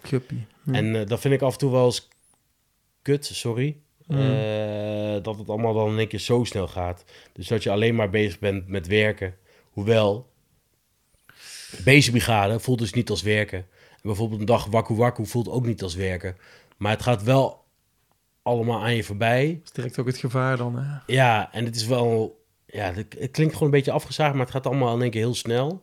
En dat wordt wel echt bevestigd door je kinderen, dat het allemaal heel snel gaat. En dat is... En die momenten, die wil je eigenlijk niet voorbij laten gaan. Of in ieder geval niet zo ongemerkt voorbij laten gaan. Maar het gebeurt wel. En ik denk dat iedere ouder van nu daar last van heeft. Want je moet tegenwoordig gewoon met z'n tweeën werken. Om niet. alles te kunnen doen wat je, wat je wil doen. Ja. Dus als het gaat over één keer per maand een keertje... of twee keer per maand een keertje ergens eten... of wat dan ook. Ja, als je dat allemaal wil doen... dan moet je, dan moet je met z'n tweeën werken. Of überhaupt boodschappen te kunnen doen... of wat dan ook. Dus ik... ehm, Ja, dat is wel lastig. Mhm. En dan zit je ook nog eens de hele avond hier van eh 8 tot 11 op de bank. Twee keer hetzelfde interview te houden. Ja, maar het is wel een ander gesprek geworden. Ja, grappig hè? En ik vind het wel nice. Ja, vind je het nice? Ja. Gaan we nou nog dieper? Ja, nee, maar ik vind het wel nice. Maar de, de- heel even terugkomen daarop, want dat, dat is wel echt... dat ik me echt kan herinneren dat vroeger, basisschoolleeftijd... dat mam, die zat thuis met een kopje thee en een koekje... kl- klokte je die thee naar binnen, was vaak nog met melk en suiker en een koekje... en dan ging je buiten spelen. Mhm. Maar dat kan tegenwoordig helemaal niet meer. Omdat het gewoon... Omdat papa en Je, mama je moet gewoon zijn. fulltime werken. Ja. Dus dan gaat je kind naar de BSO en weet ik... Ah, dat vind ik allemaal zo kut. Ik vind het zo kut om mijn kinderen naar de kinderdagverblijf te brengen. Ja. Maar ja, het hoort er allemaal bij. Het kan niet anders, maar... ja, is dat waar? Je hebt ook wel... mm. Oh, nee, maar ik vind het wel echt shit, hoor. Ja, nee, dat herken Dat- ik wel. Nee, maar gewoon- ik zeg niet, is het waar dat het kut is? Nee, is het, is het waar dat, je, dat, dat, het, dat het allemaal moet? Het is ook pure rijkdom om natuurlijk... Oh, zo. Ja, nee, maar ik voel wel alsof je je kind even, echt even afstaat van... eh Dat yo, hier. Ja, dat- Eh, ik moet weer werken, mazzel. Maar dat zie ik bij heel veel ouders, hoor. Maar ook bij heel veel ouders die dan hun kinderen komen droppen bij het kinderdagverblijf. Allemaal haast in hun ogen, stress. En bij het ophalen ook weer stress, stress, stress. Oh, kak, we moeten nog eten koken, weet ik veel wat allemaal. ja. Het is allemaal niet... We moeten doorbreken, man. Ja, Dit soort dingen. ja, Hey, veel gaat over milieu, gaat over klimaat, waar je mee bezig bent. ja. Eh, ook online. Ja, er zit nog een beetje in, volgens mij. Wil je nog een slokje? Nee, die is voor jou. Chill. Oh, ik ben op de fiets trouwens. Bakfiets. Eh, ja, daar gaat het ook niet zo lekker mee. nee. Wat, eh, hoe, st- ja, hoe sta je erin? Wat, eh, Nou, dat is, dat is waar ik mezelf wel een beetje aan stoor. Maar dat, dat is iets waar ik me echt heel veel zorgen over maak. Misschien soms te veel, maar ik kan me daar niet van afsluiten, zou ik maar zeggen. En dat komt ook wel gewoon door alle berichten in de media over daar een klimaatramp, daar een klimaatramp. En ze lijken elkaar steeds sneller achter elkaar op te volgen. Wordt ook steeds extremer. Dus wat wetenschappers zeiden over eh 2030, eh, anderhalf graad opwarming is nu eigenlijk al, hè? Of al dik. Dus dan zie je wat dat nu al doet met, eh, in sommige landen. En trouwens ook bij, bij ons in Nederland. Nog niet in die extreme mate. Maar dat gaat hier ook gebeuren. Maar als je het hier hebt over extreme mate, dan, nou ja, goed, dan gaat het over eh, de waterspiegel, de, de zeespiegel die stijgt. Ehm, ja, ik maak me daar wel echt, echt irritant veel zorgen over. Ja. Hoe uitziet dat? Irritant veel zorgen hebben? Nou ja, dat merk, merk ik ook wel vaker met Twitter-gedrag. Dat ik daar heel vaak over ga twitteren Ja, en berichten repost en zo. Dus die prijs die ik in 2018 won met van positief, nou ja, dat is nu niet meer. Ehm, ja, dat ik ook niet echt, echt heel goed kan slapen en zo van dat soort dingen, weet je wel. Dat ik denk van... ehm, dat we maar door blijven gaan op de oude voet. We willen al onze luxe niet opgeven. Ik, ik heb dus een hardloophorloge. Vind ik super chill, want dan zie ik precies hoe snel ik loop. Maar het is niet per se nodig. Nee. Want ik liep eh halverwege de jaren 90 ook hard. Had je dit Toen had ik geen horloge hoor. Toen liep ik gewoon lekker. Ja, dus het maakt helemaal geen fuck uit. Eh, maar we denken dat we allemaal nodig hebben. Maar, eh, dus we houden het zelf in stand. En dat vind ik ook kut, want ik doe er dus zelf ook aan mee. Ehm, Gaat hand in hand ook met die gejaagde samenleving waar jij het net over hebt. Misschien Ja. wel? Ja, je hebt ook helemaal geen tijd om bij stil te staan. Eigenlijk, het, het, gaat, ja, het gaat gewoon bam, bam, bam. Het gaat gewoon allemaal door. Ja. En het is ook wel, dat is misschien ook wel gek, want je hebt dan, dan, eh, dan is er weer een of andere grote ramp. En na een week is iedereen het alweer vergeten. En dan gebeurt weer een ramp. Maar de rampen komen steeds sneller achtereenvolgend komen al die rampen. Eh, maar we zijn nog steeds in staat om het allemaal maar te vergeten en te vergeten en te vergeten. Eh, terwijl, ja, dan vraag ik me af, oké, maar wat moet er echt gebeuren dat mensen echt denken van, oké, nu moeten we echt iets gaan veranderen, maar waarschijnlijk is het dan al te laat. Misschien is het eigenlijk nu al te laat, zou je zeggen. Hm. Ja, Nee, die prijs voor positiefste twitteraar, die pak ik bij deze van je af. eh, ja sorry man. Voor dit jaar. Hey, ehm, laatste vraag. Wat, Mhm. ehm, wat kunnen andere mensen nou van jouw eh, manier van leven leren? Van de manier waarop jij in het leven staat? Wat jou nou de afgelopen jaren gebeurd is? Wat kunnen, wat kunnen mensen daarvan leren? Ja, n- niks. Ah, dat geloof ik echt niet. Moet ik het zeggen? Ja, nou ja, ik, ik ben er niet... Ja, weet je wat afgelopen... Dat vind ik ook wel grappig. Want ehm, soms zijn er wel eens mensen die, die ik dan tegenkom... die ik van vroeger ken of van... Wow, je bent echt eh, lekker bezig. Je bent lekker bezig, man. Mhm. En dat komt dan omdat je op televisie bent en zo. Zeg ze, oh, je bent echt lekker bezig. Maar toen Mhm. ik boswachter was, Was je ook zei niemand bezig? tegen mij van... Oh, je bent lekker bezig, je bent lekker bezig. Snap je? Ja. Dus ik vind het heel raar dat mensen nu tegen me zeggen van... Wow, echt eh, vet, eh, vet wat je doet. Leuk dat je een prijs hebt gewonnen. Maar ik kreeg toen als boswachter kreeg ik niet te horen van... hey, vet leuke excursie man. Dat je... Dat je nee, dus... ehm, eh, nee, ik heb geen... eh, nee. Nee, doe gewoon... Waarmee je eigenlijk wil zeggen, hoe ik nu in het leven sta, is niet anders dan hoe ik, eh, wat is het dan, tien jaar geleden in het leven stond of acht jaar geleden. Toen ja, je dus boswachter was. ja. Met alleen met je koppen op tv. Ja, dat is er veranderd. Maar het... Ja, ik was daar niet naar op zoek, zou ik maar zeggen. Dus dan weet ik niet wat mensen van mij kunnen leren. Ja, gewoon je eigen weg bewandelen en dat soort clichés kom ik dan. Maar, Ja. eh, of in ieder geval, als je geen stip op de horizon hebt, dat je dan maar gewoon lekker op zijn beloop laat. En dat je dan niet op zoek gaat naar van... Ja, dat je gewoon niet op zoek gaat. Ja, en gewoon Als je geen en stip op de horizon bent. hebt, ja, en dat je zelf bent. Maar als die stip er niet is, dan is hij niet. En dan komt hij waarschijnlijk ook niet.